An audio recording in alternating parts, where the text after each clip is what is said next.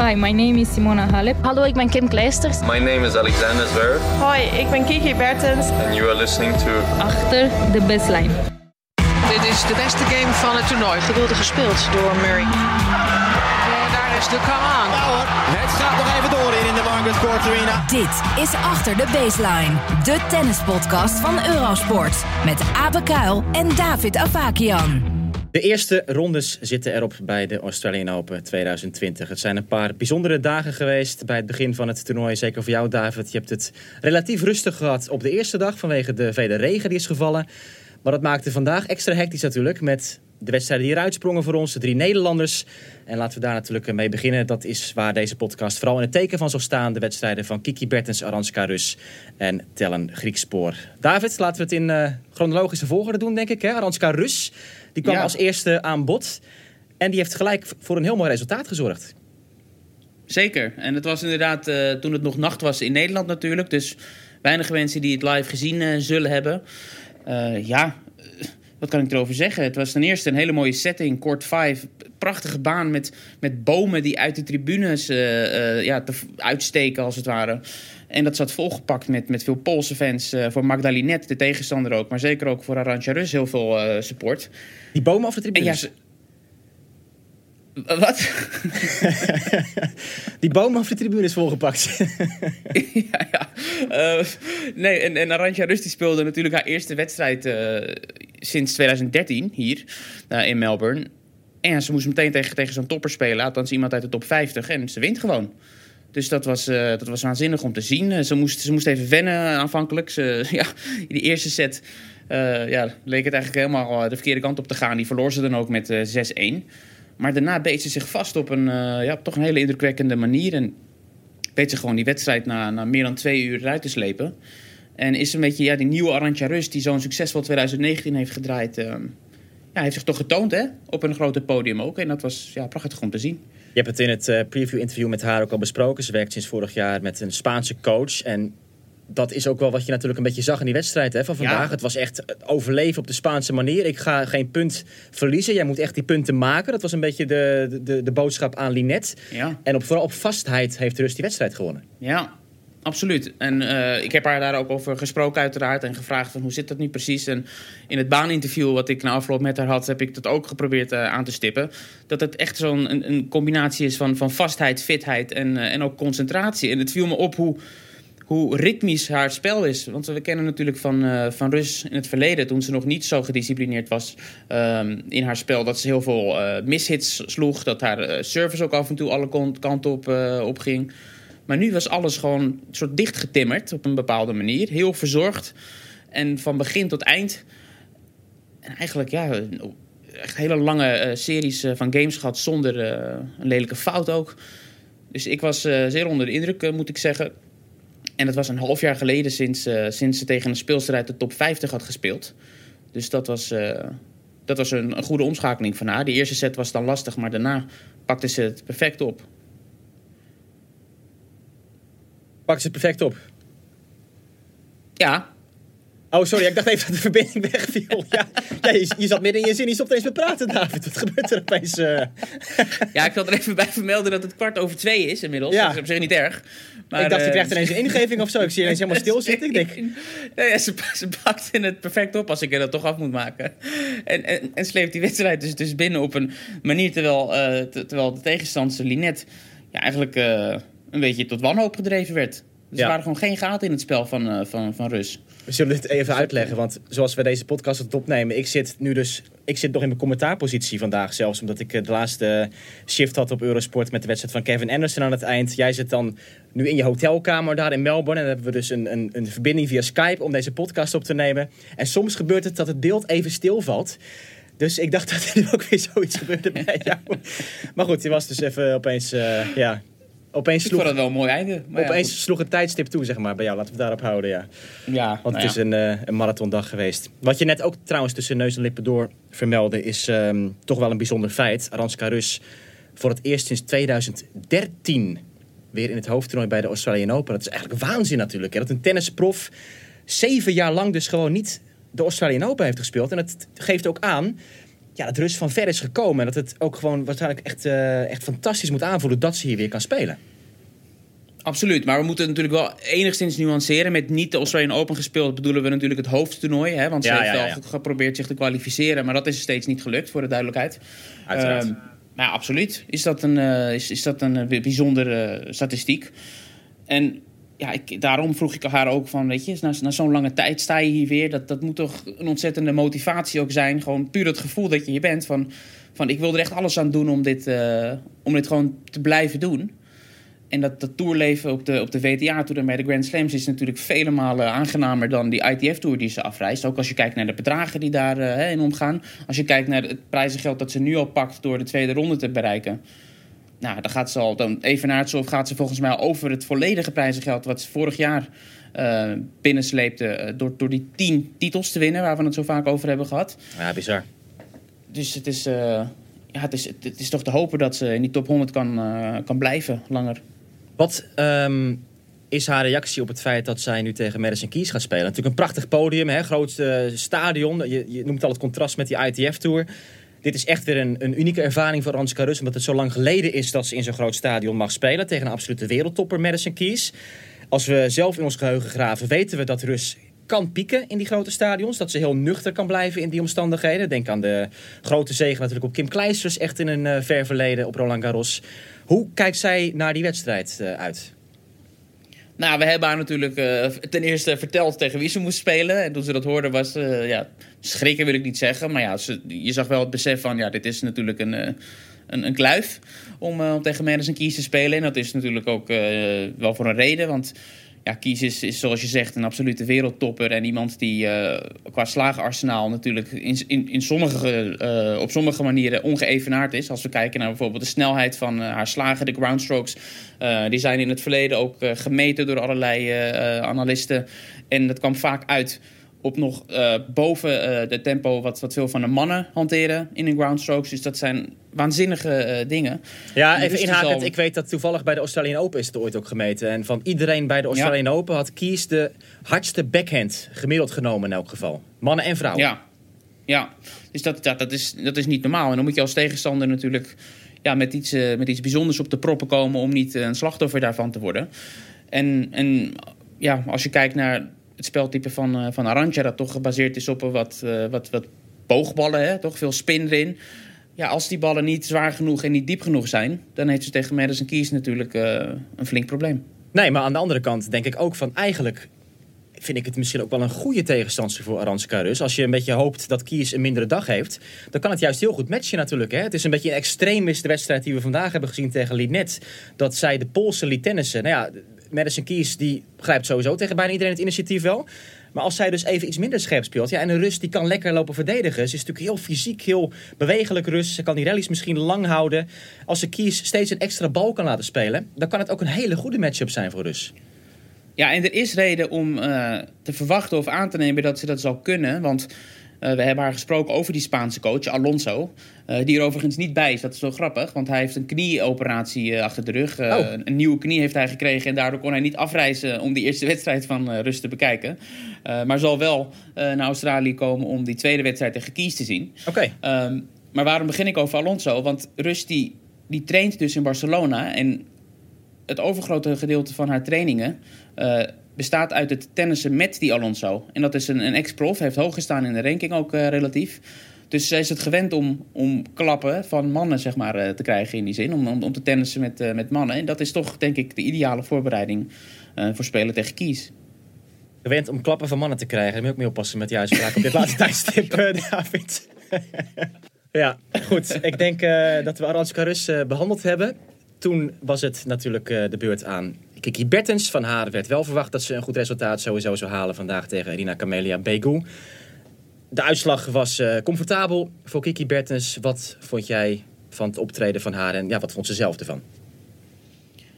Nou, ik, ik vond dat ze vooral heel goed eh starten. En eigenlijk voor een eerste ronde eh, partij natuurlijk heel goed voor de dag kwam, denk ik. Hè? Want als je alle zenuwen erbij meerekent en als je ook ehm, kijkt naar de ja, toch wat twijfelachtige aanloop naar het toernooi met, eh, met die Achillespees-blessure, eh, met de heupklachten die er ineens bij kwamen. Dus het was wel een beetje, eh, ja, wat gaan we zien? Eh, een, fitte Kiki of Kiki die ja, op een of andere manier gewoon probeert op de been te blijven.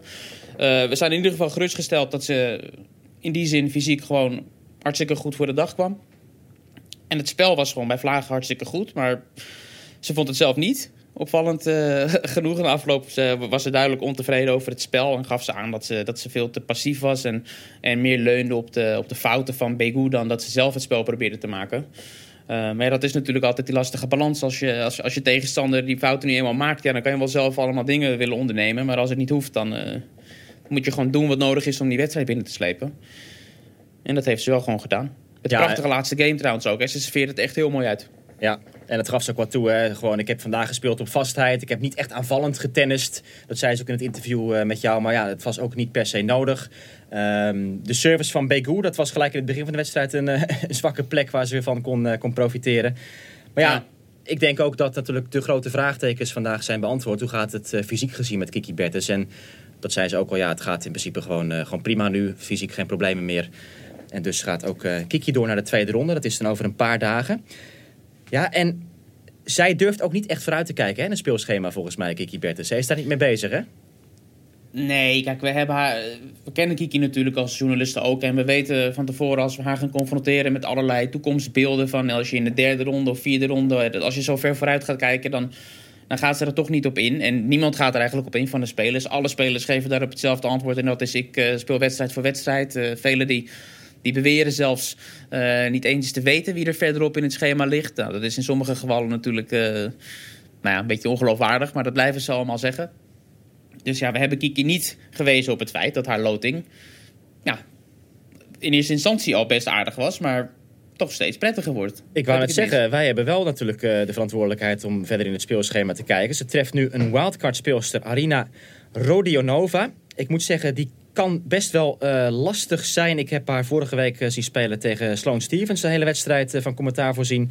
Won ze van, Rodionova. Maar goed, het is feiten zijn feiten. Het is een laagvlieger.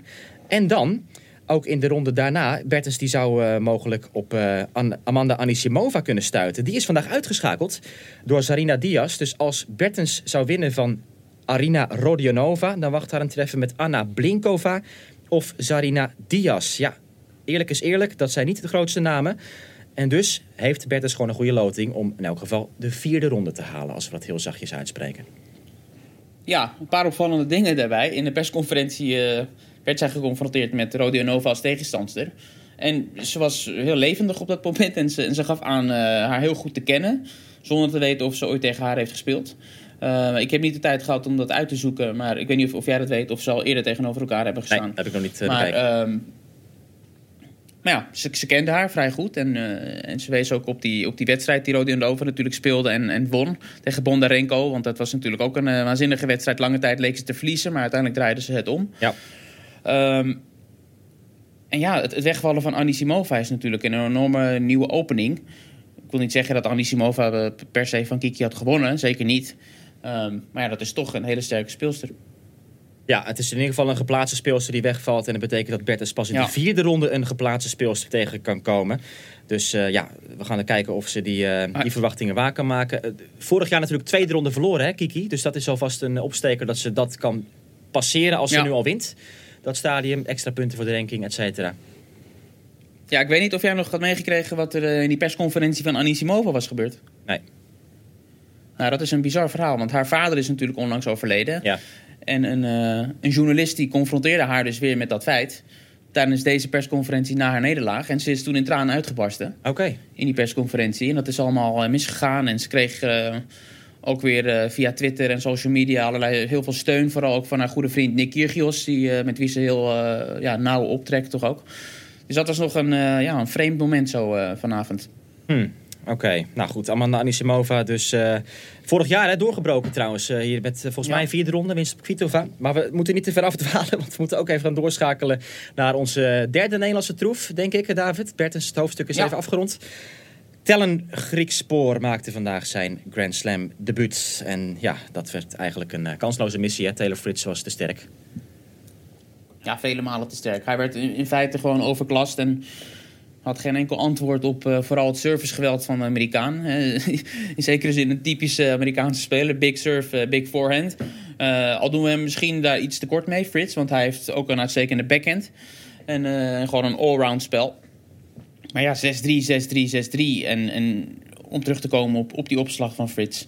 Hij verloor slechts één punt op het moment dat hij zijn eerste service in het spel kon brengen. Ja, dan is daar geen, geen begin aan, denk ik.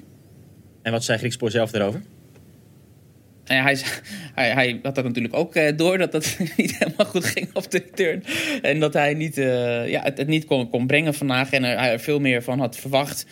Maar gewoon eh, ja, niet, niet klaar was ook voor deze wedstrijd. Dat had ook gewoon te maken met, met die gebrekkige voorbereiding waar we het eerder over hebben gehad. Hè. Dat, dat hij gewoon niet, niet, die, wedstrijd fitheid en vastheid heeft. Niet een eh, goed offseason heeft gedraaid om, om zich te kunnen meten met, eh, met spelers van dit kaliber. Ehm, hij heeft natuurlijk wel genoten van, eh, van zijn debuut hier. Want dat is de eerste keer dat hij zo'n groot toernooi speelt. Ik had hem daarna gevraagd. Hij, hij houdt er absoluut ook wel positieve gevoelens aan over.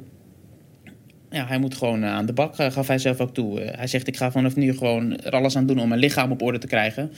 Dat, is, ja, dat staat op plaats nummer 1, 2 en 3. En dan zien we de rest wel. En hij verschijnt weer in Rotterdam, zei hij, verder.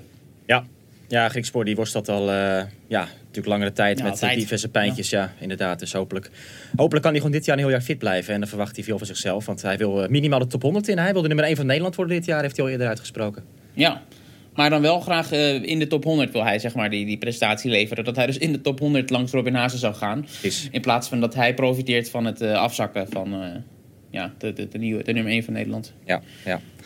Oké, de Nederlanders. Ja, was het eh, te doen om het allemaal bij te benen, David? Zo'n zo'n hectische dag. Gebeurt niet vaak. Drie Nederlanders natuurlijk op één dag eh, in actie bij een Grand Slam toernooi. Ja, het, was vrij, vrij pittig ook, omdat Griekspoor en Kiki natuurlijk ook vlak op elkaar zaten. En je wil natuurlijk ook alle interviews, ja, die, die moet je doen en, en bijhouden. En je wil ook de niet-Nederlanders in de gaten houden om, om, deze podcast iets eh, zinnigs te kunnen zeggen ook vooral. Eh, dus dat is, dat is best een uitdaging. En, en zeker ook als we gewoon naar de hele dag kijken met 96 wedstrijden op het Ja. schema. Ik weet niet of dat een record is, maar dat zou heel goed kunnen. Want dat is natuurlijk ongekend. Sommige banen met zeven partijen eh, op het schema. Ik kan het me in ieder geval niet herinneren. Ik heb het nooit eh, eerder meegemaakt. Nee, ik denk in Melbourne dat het sowieso wel een record is. Want dan zijn we niet gewend dat er Ja. zoveel regen valt. Ik las eh, ergens, zag ik voorbij komen, dat gisteren ehm, de meeste regen op één dag is gevallen in Melbourne in negen jaar tijd. Dat is natuurlijk wel Kijk. een eh, bijzondere statistiek. Dat komt natuurlijk wel goed uit nu in deze fase in Australië, zeker. laten we eerlijk zijn. Maar ehm, de helft van het programma gisteren was eh, ja, eh, in het water gevallen, letterlijk. Dus dat moest worden ingehaald vandaag. Er zijn nog steeds wedstrijden ehm, vandaag doorgeschoven naar woensdag. En dan wordt het morgen dus ook weer een extra beladen dag. Maar ja, de Nederlanders, David, die hebben we nu gehad. En ja, we doen nu natuurlijk een podcast opnemen waarin we de hele eerste ronde bespreken. We gaan eventjes snel ook wat andere hoogtepunten meepakken. En om te beginnen moeten we terugblikken op de wedstrijd Coco Golf tegen Venus Williams. Want die hebben we ook voorbesproken uitgebreid als ja, toch wel het affiche van alle eerste rondes. Ehm, ja, jij was bang dat Venus ehm, eigenlijk een... een een modderfiguur zou slaan hè, vanwege de, de blessures, eh, de, Ja. de, de fysieke ongemakken die ze had voorafgaand aan deze Australian Open. Dat was het algemene gevoel. Ook ik had mijn grote twijfels daarbij, voor de duidelijkheid. Maar het werd wel een wedstrijd. Ook al het begin van Venus was desastreus, maar het werd wel een, een gevecht. Ja, maar het begin van Venus is ook, eh, als ze in goede doen, is eh, meer dan eens eh, niet, niet al te goed. Maar zoals je zegt, uiteindelijk werd het een hartstikke leuke wedstrijd. En Venus die had ook zeker gewoon kansen om, om, om, zeker een set binnen te halen. Ehm, nee, het werd volgens mij misschien niet qua niveau een, een, een topwedstrijd. Want ook Koff, die, die, die, die was niet op haar best, denk ik. Dus ehm, ja, ik denk dat dat affiche toch wel eh, geleverd heeft. Ik weet niet of jij ook eh, die wedstrijd van begin tot eind hebt kunnen zien. Ja, en ik vind het gewoon heel interessant om te zien dat, dat een Coco Golf natuurlijk al zo'n ja, tennis-IQ heeft. Hè? En dat wordt weer bevestigd ook tegen Ja. Venus Williams. Als er dan zo'n lange rally wordt gespeeld, god, dan word je in de verdediging gedrukt. En dan, oh, dan heeft ze even die, die slice om terug in positie te komen. Of gaat ze de andere hoek in, dan komt er een wat hogere boogbal om weer te kunnen herstellen. Kan ze het initiatief overnemen. En eh, de service is, eh, is eh, volgens mij flink verbeterd bij, bij golf. Ja. Dus ehm, ja, ik vind het een Ik geloof machtig, dat ze, machtig dat ze zelfs qua, qua snelheid van die service ook volgens mij bovenaan staat vooralsnog. Ze had eh, 190 km per uur had ze ook aangetikt met een opslag. Coco Golf, 15-jarige leeftijd. Dus ehm, ja, dat is eh, waanzinnig Ja. dat ze dat doet. Dus die hype die, eh, wordt zeker niet minder rondom Coco Golf. Voor Ash- Nee. Ashley Barty was het even schrikken. Eigenlijk een van de, de, de grootste problemen die we hebben gezien bij de toernooifavorieten... eh, was bij Barty in haar wedstrijd tegen Lesia Tsurenko. Want ze kwam een set achter. Won toen toch in drie sets. En zo is in ieder geval de Australische nummer 1 bij de vrouwen veilig door. Ik weet niet wat dat nog voor reacties heeft losgemaakt, die wedstrijd van, van Barty. Nou ja, Bart kwam natuurlijk eh, vrij laat aan. Hè? Dat hadden we ook al aangestipt uit, uit Adelaide. En ja, zo'n eerste set is, is wennen.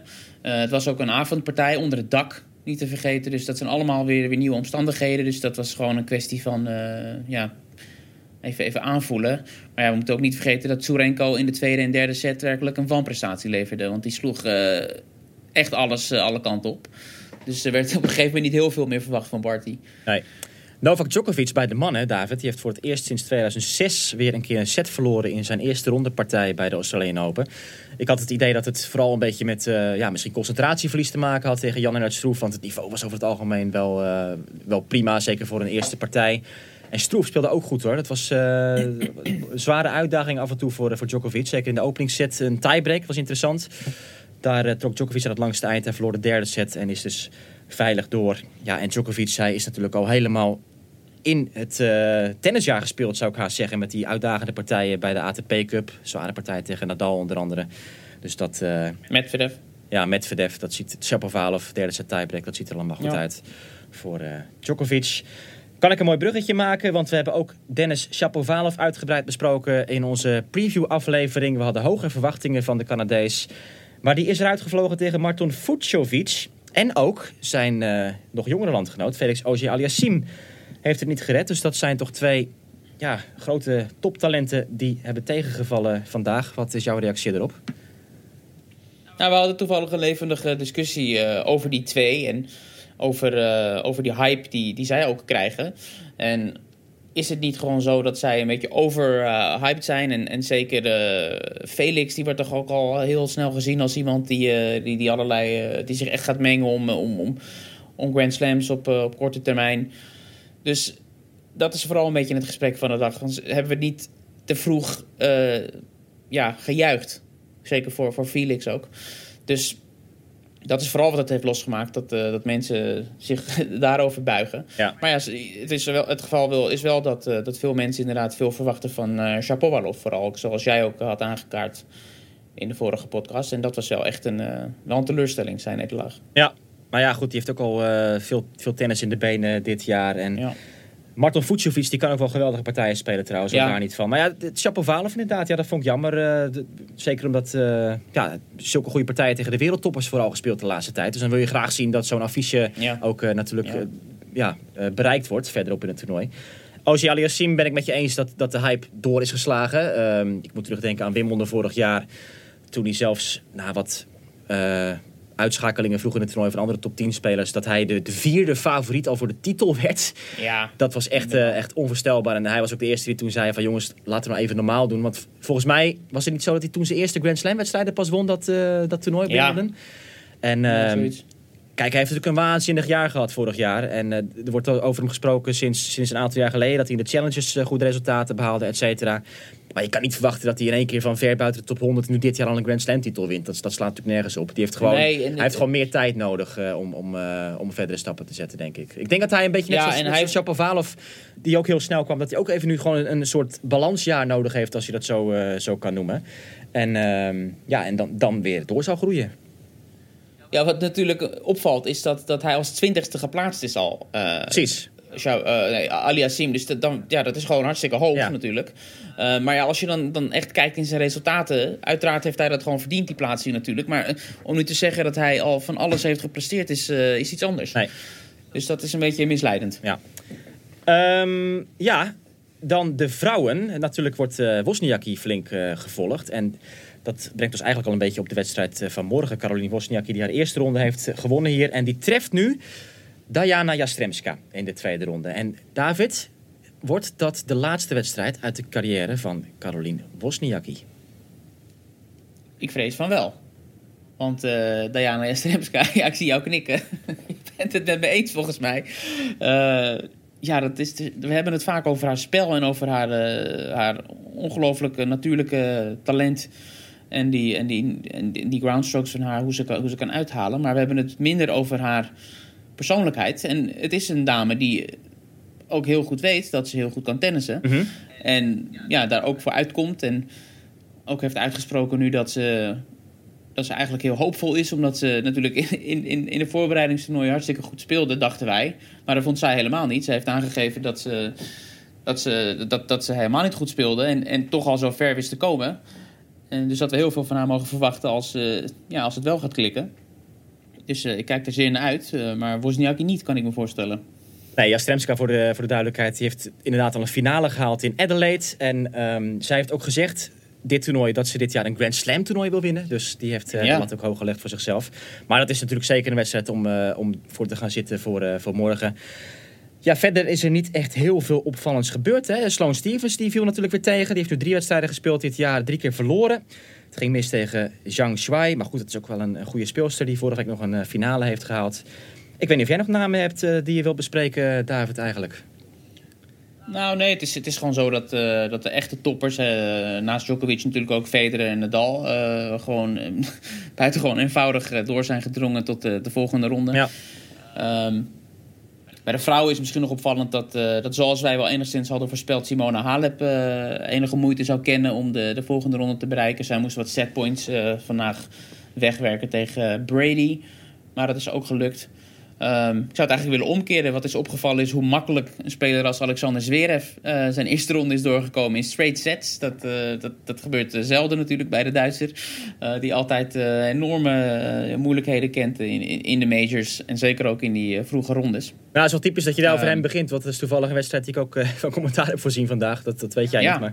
Maar, um, ja, en, en die, en die service, hè de service eerst even. Want dat was een, een zorgenkindje tijdens de ATP Cup, wedstrijd die hij daar speelde. Daar sloeg hij heel veel dubbele fouten. Um, het werd zelfs nog uh, een, een, dingetje op social media. Want Belinda Bencic die gaf aan, die, die slaat ook vaak dubbele fouten. Die gaf aan dat zij 100 dollar ging doneren per dubbele fout dit toernooi. En die daagde toen Alexander Zverev ook al gelijk uit. Ja. Te zeggen van, dan doe je mee Sascha. En daar is geen reactie op gekomen.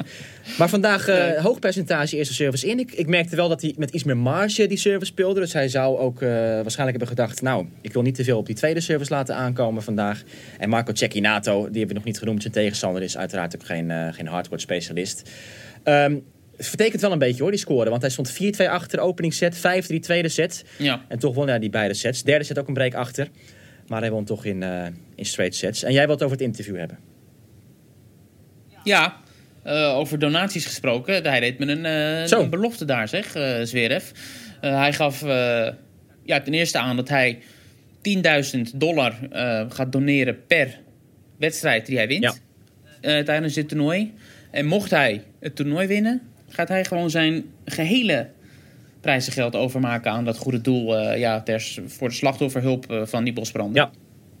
ja, en dat gaat om een bedrag van omgerekend zo'n 2,5 miljoen euro.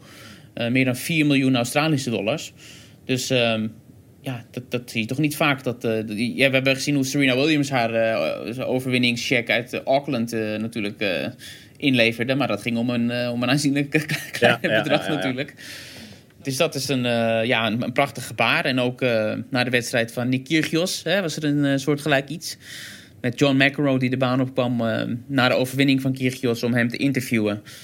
En, um, en, en het was McEnroe die aangaf dat hij 1000 dollar ging doneren per set die Kyrgios in de rest van het toernooi gaat winnen. Ja. Dus op die manier um, ja, blijven die acties maar komen. Ja. Mooi om te zien. Even kijken, wat, wat wilde ik nog zeggen? Oh ja, ben jij al naar de, de, de giftshop geweest, de merchandise winkels en zo uh, bij het toernooi?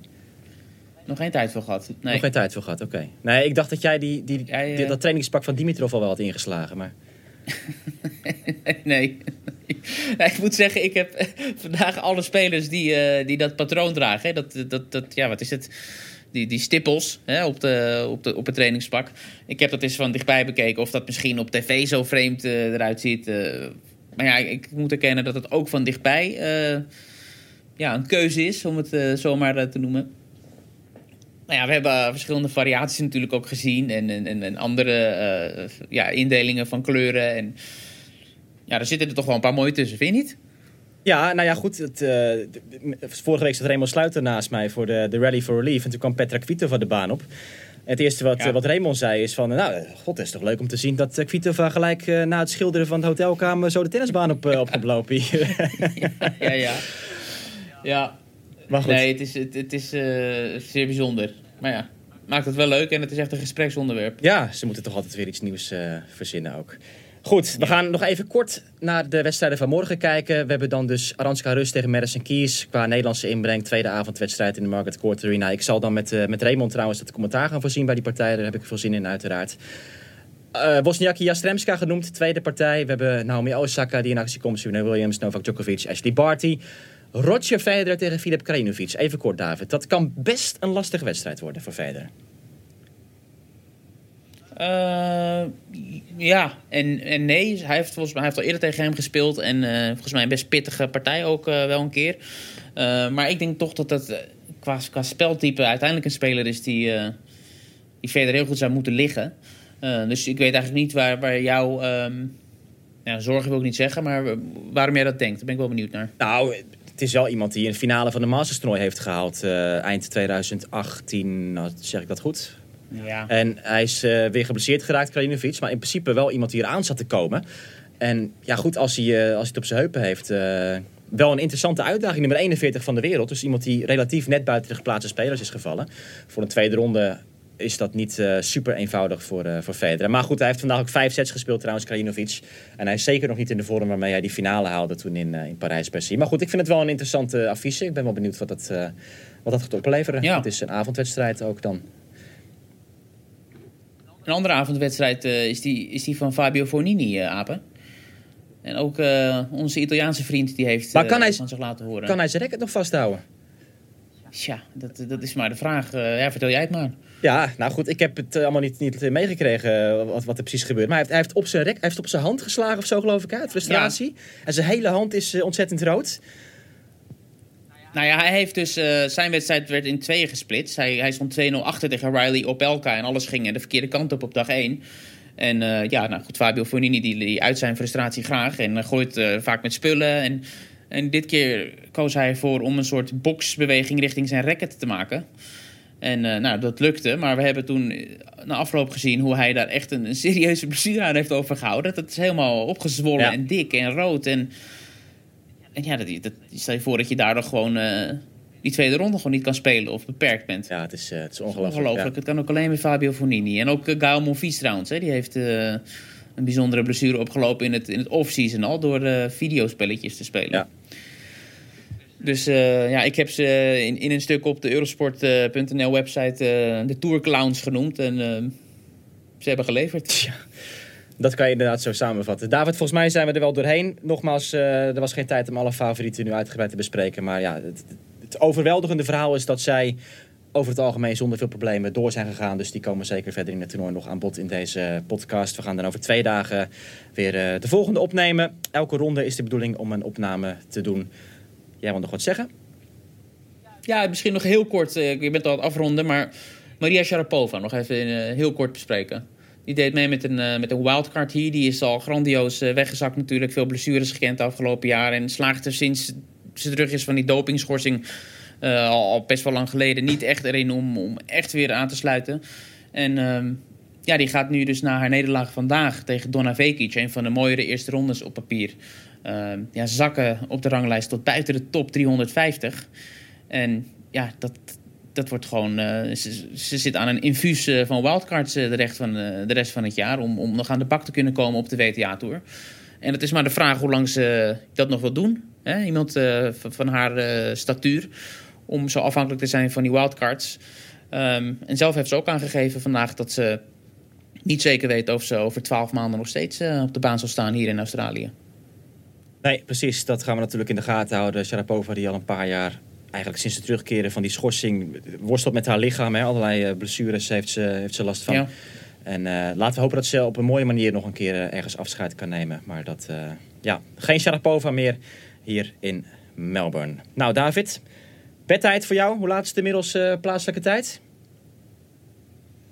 Kwart voor drie. Kwart voor drie. Nou, dat is goed te doen. Goed tijdstip. Ja. Ik zeg wel trusten. Tot gauw weer voor een volgende aflevering van Achter de Baseline. Bedankt voor het luisteren. En wij zijn er dus over twee dagen weer.